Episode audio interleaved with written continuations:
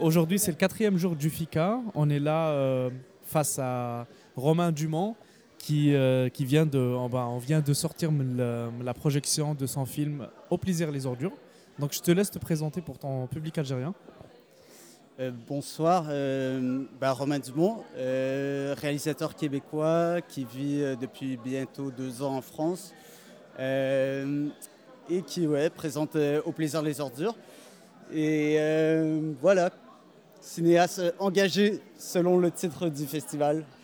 Donc euh, Romain, en fait, moi je viens de regarder le film, mais pour les gens en fait qui nous écoutent par rapport au podcast, en fait c'est un film qui est très poignant, en fait, qui, qui traite du sujet en fait de- des campagnes un peu politiques, la désillusion, en fait, les différences entre les classes, les inégalités entre les classes. Donc qu'est-ce que tu peux nous dire, euh, si, je peux dire euh, un synopsis par rapport au film? Euh, ben, très simplement, c'est le Premier ministre québécois qui invite trois éboueurs à manger le jour de Noël. Et on cherche un peu à savoir pourquoi ils sont là d'abord et pourquoi on- eux cherchent à savoir pourquoi eux sont invités. Et euh, voilà, oui, j'ai voulu explorer plusieurs thématiques euh, à travers le film. Et euh, peut-être aussi une, chose qui n'a pas été dite pendant le- les questions, travailler un peu sur les préjugés des spectateurs. J'avais envie qu'ils anticipent peut-être un crime commis par les éboueurs ou quelque chose comme ça, à voir si ça vient ou ça ne vient pas. donc jugé par traitement de faciès, etc. Donc ce genre de préjugés. Euh, le film, il a été autofinancé. Est-ce que c'est un choix Euh, J'aimerais vous dire oui avec euh, exubérance, mais non, pas du tout. C'est euh, une condamnation plus. J'ai- jamais eu de, financement public pour faire un de mes films. Là, j'en ai tourné un à Paris, produit par Advitam, qu'ils ont eux-mêmes financé. Donc non, j'ai une grande malédiction par rapport au financement, mais on réussit à faire de, de- des films euh, qui voyagent et qui vont en festival, donc euh, peu importe quoi. Par rapport au voyage, euh, est-ce que tu peux nous raconter un peu l'itinéraire qu'a fait ce film par rapport au festival? Euh, oui, oui, bien sûr. Ben, euh, la première était dans un grand festival d'Amérique latine qui s'appelle Guanajuato. Malheureusement, on n'a pas pu aller à cause de, de la, la pandémie. Et euh, après, vraiment, là où ça a déboulé, je dirais que c'est en janvier 2022, euh, où on est allé à Clermont-Ferrand, qui est euh, un énorme festival. Et en même temps, on était à Slam Dance, euh, qui est le petit frère de Sundance. Et on a gagné en- une mention d'honneur là-bas. Et à partir de là, ouais, on a fait près d'une cinquantaine de festivals maintenant et remporté quelques beaux prix. Donc c'est un honneur. Quoi. Euh, Est-ce que Romain préfère beaucoup plus le genre de fiction ou bien tu as aussi des, aff- des affinités avec le documentaire? Euh, je dirais pas que j'ai des affinités avec le documentaire. J'ai une très très très grosse envie de me lancer dans le documentaire. Je crois que je vais commencer par faire un premier long métrage de fiction d'abord euh, en 2024 si euh, quelqu'un veut bien m'aider. Et euh, non, non, c'est sûr qu'il va y avoir du documentaire. Je travaille en ce moment un peu à Beyrouth pour peut-être justement développer un documentaire là-bas. Bah, Bon courage pour ça. Et dernière question par rapport à votre visite en Algérie, euh, le FICA, comment euh, décrirais-tu euh, ton expérience? Eh bien, les Algérois sont des gens extrêmement chaleureux, accueillants, d'une grande écoute aussi. C'est- vraiment exceptionnel comme. pour, pour vous dire, pour revenir au financement aussi, moi, quand j'ai fait ce prêt à la banque-là, euh, qui finalement, euh, euh, pour moi, c'était énorme à l'époque, mais avoir su que ça me permettait de voyager, de venir ici, entre autres, euh, vraiment, ça, ça valait chaque dollar euh, emprunté pour, pour tout dire. Ouais. Et non, c'est super. On, on visite la ville. On est allé à la Casbah aujourd'hui. C'était hyper chouette. Vraiment, tout le monde est très gentil. C'est- un honneur d'être ici. Merci beaucoup Romain et bon, bon séjour pour ce qui reste. Merci beaucoup.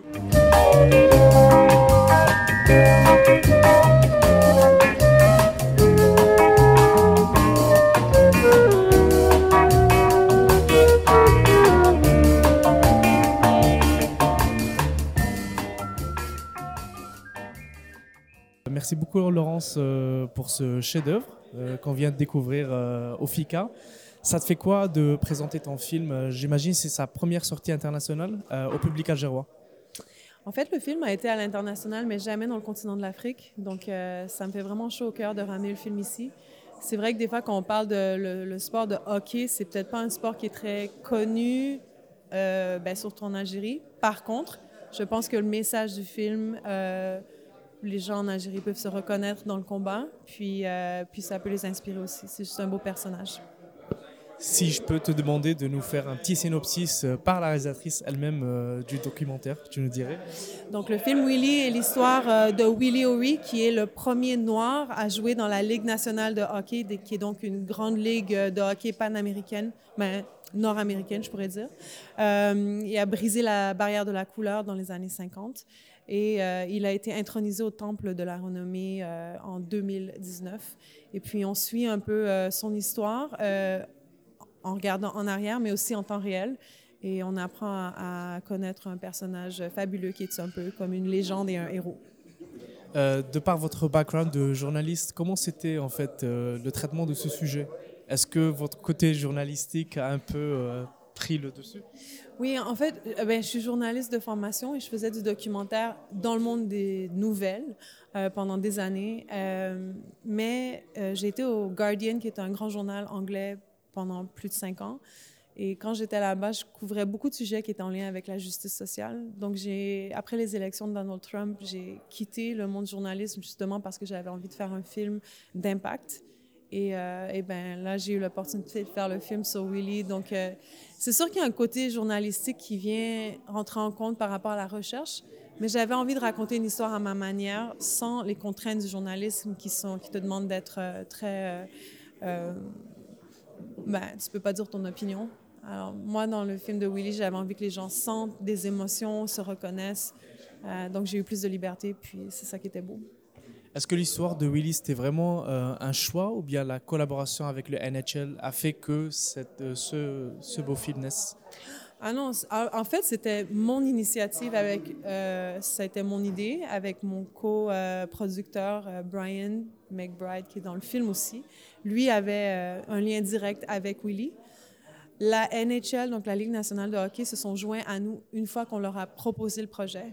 Euh, ils ne nous ont pas donné de l'argent, mais ils nous ont donné de l'accès et des archives, euh, ce qui valait beaucoup plus que l'argent qu'il nous a fallu pour faire le film. Euh, puis, donc, c'était mon idée à la base, mais une bonne idée, ça, ça, ça, te fait une bonne équipe. le film, il est sorti avant le COVID? Le film est sorti l'année de la COVID. Mais en fait, le film, le film est sorti en salle, en festival, en, avant la COVID mais a eu sa première à la, télé américaine euh, en janvier, en février 2020. Donc ça a été assez particulier parce que bon, mais les gens étaient chez eux, donc ils pouvaient écouter. Mais c'est vrai qu'une fois que le film est sorti, on n'a pas pu vraiment voyager pour en faire la promotion avec tout ce qui s'est passé. Mais bon, hein, on a eu beaucoup de beaucoup d'attention, puis je pense que Willy a touché beaucoup de cœur, donc euh, tant mieux. C'était ça le but. Euh, une toute dernière question, Laurence, un peu personnelle si je me permets. Euh, par rapport à ta visite à Alger, ça t'apporte quoi euh, personnellement d'être ici à Alger?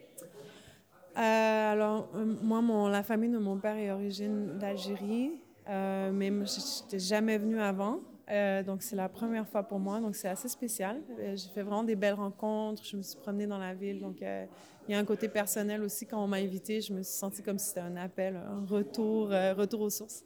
Donc c'était vraiment magique. Puis euh, j'ai encore, euh, je suis ici quelques jours encore, donc je vais pouvoir continuer à découvrir. Mais Merci beaucoup euh, Laurence et on vous souhaite bon courage. Merci. Au revoir.